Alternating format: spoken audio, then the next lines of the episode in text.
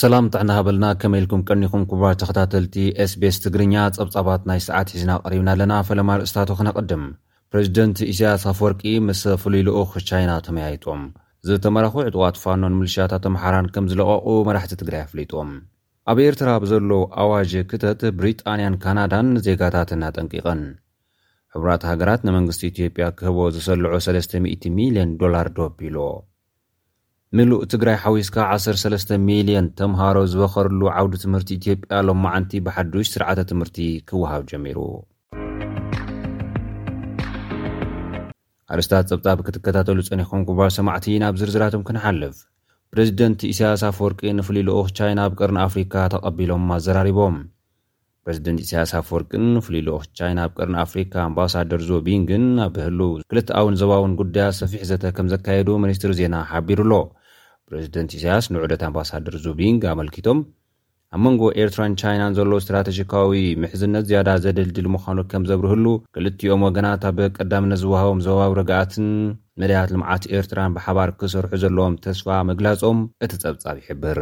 ኣምባሳደር ቢንግ ብወገኖም፣ ቻይና ኣብ ደረጃ ዞባ ተካይዶ ዘላ ጻዕርታት ንምፍታሕ ግጭታት ዘላቒ ሰላምን ሽርክነትን እወታዊ ኣበርክቶ ክትገብር ድልውነታ ከምተረጋግጽ ምዝራቦም እቲ ጸብጻብ ሓቢሩ ኣሎ።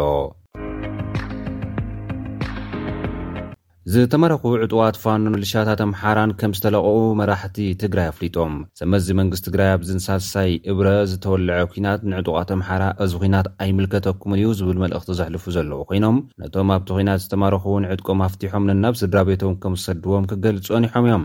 ብመሰረት'ቲ ክህብዎ ዝጸንሑ ሓበሬታ ከኣ ኣብ ከባብታት ቆቦ ዝተማረኹ ሽማግለታትን ደቂ ኣንስትዮን ዝርከቦም ዕጡቓት ፋኖን ምልሻታትን ዕጥቆም ኣፍቲሖም ከም ዝሰደድዎም ብመገዲ ቴሌቪዥን ትግራይ ኣብ ዘቃልሕዎ ሓበሬታ ገሊጾም ኣለዉ።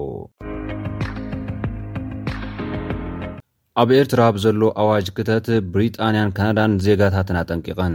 ኣብ ኤርትራ ኣባላት ዕቑር ሰራዊት ኮይኖም ኣብ ዝተፈላለዩ ንጥፈታት ዝትሰርሑ ዝጸንሑ ትሕቲ ሓምሳን ሓሙሽተን ዓመት ዝዕድመኦም ሰብኡት ናብ ግንባር ውግእ ክኸቱ ጻውዒት ከምዝቐርበሎም ጸብጻብ ቢቢሲ የረድእ። ብመሰረት'ቲ ሓበሬታ እቶም ኣባላት ዕቑር ሰራዊት ብረቡዕ ንግሆ ናብቲ ዝተመደበሎም ቦታታት ክኸዱ ብመገዲ ምምሕዳራት ኣቢሉ ከም ዝተነግሮም ኣቐዲሞም ክብገሱ ተነግሮም እውን ከም ዘለዉ ተገሊጹ ኣሎ።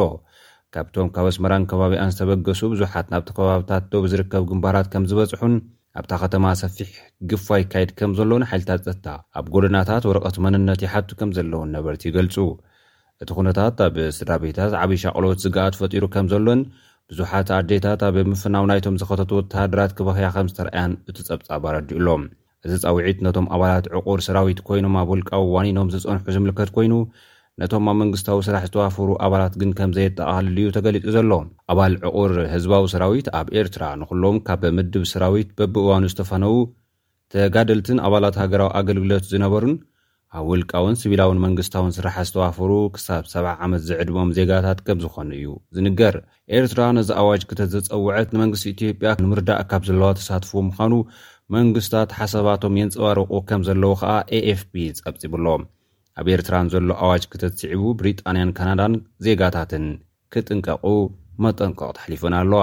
መንግስቲ ካናዳ ኣብ ሰሜን ኢትዮጵያ ዘሎ ኲናት ስዒቡ መንግስቲ ኤርትራ ናይ ክተት ኣዋጅ ጸዊዑ ኣሎ ብምባል ኣብቲ ሃገር ዘለዉ ዜጋታቱ ምሉእ መምርሒ መጠንቀቕታ ከተግብሩ ኣዚዙ ኣሎ። መንግስቲ እንግሊዝ እውን ንዜጋታቱ መጠንቀቕታ ኣሕሊፉ ኣሎ።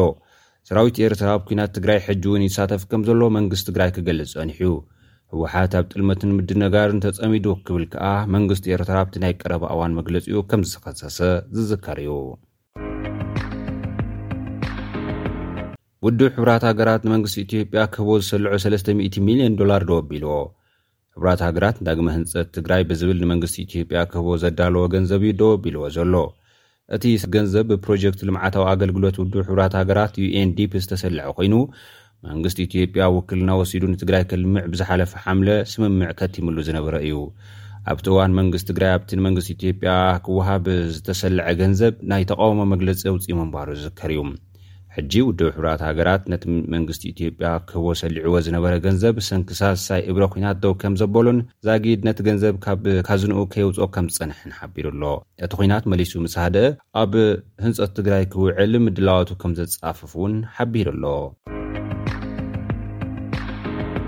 ኣብ መወዳእታ ሙሉእ ትግራይ ሓዊስካ ዓሰርተ ሰለስተ ሚልዮን ተምሃሮ ዝበኸርሉ ዓውደ ትምህርቲ ኢትዮጵያ ሎማዕንቲ ብሓዱሽ ስርዓተ ትምህርቲ ክወሃብ ጀሚሩ። ሚኒስትሪ ትምህርቲ ንሓሙሽተ ዓመታት ኣዳለዮ ዝበሎ ሓዱሽ ስርዓተ ትምህርቲ ኣብ ቀዳማይ ደረጃ ክወሃብ ጀሚሩ ኣሎ። ናይ ታሽዓይን ዓስራይን ስርዓተ ትምህርቲ ከኣ ሎም ዘበን ኣብ ሰማንያ ኣብያተ ትምህርትታት ኢትዮጵያ ተፍቲኑ ንዓመታ ኣብ ኩለን ኣብያተ ትምህርቲ ናይቲ ሃገር ክወሃብ እዩ ኢሉ።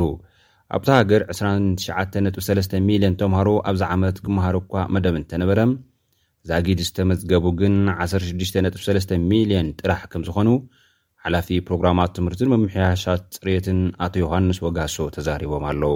ጠንቂ ብኩራት ናይዞም ተምሃሮ ከኣ ኩናትን ደርቅን ምዃኖም ኣረዲኦም።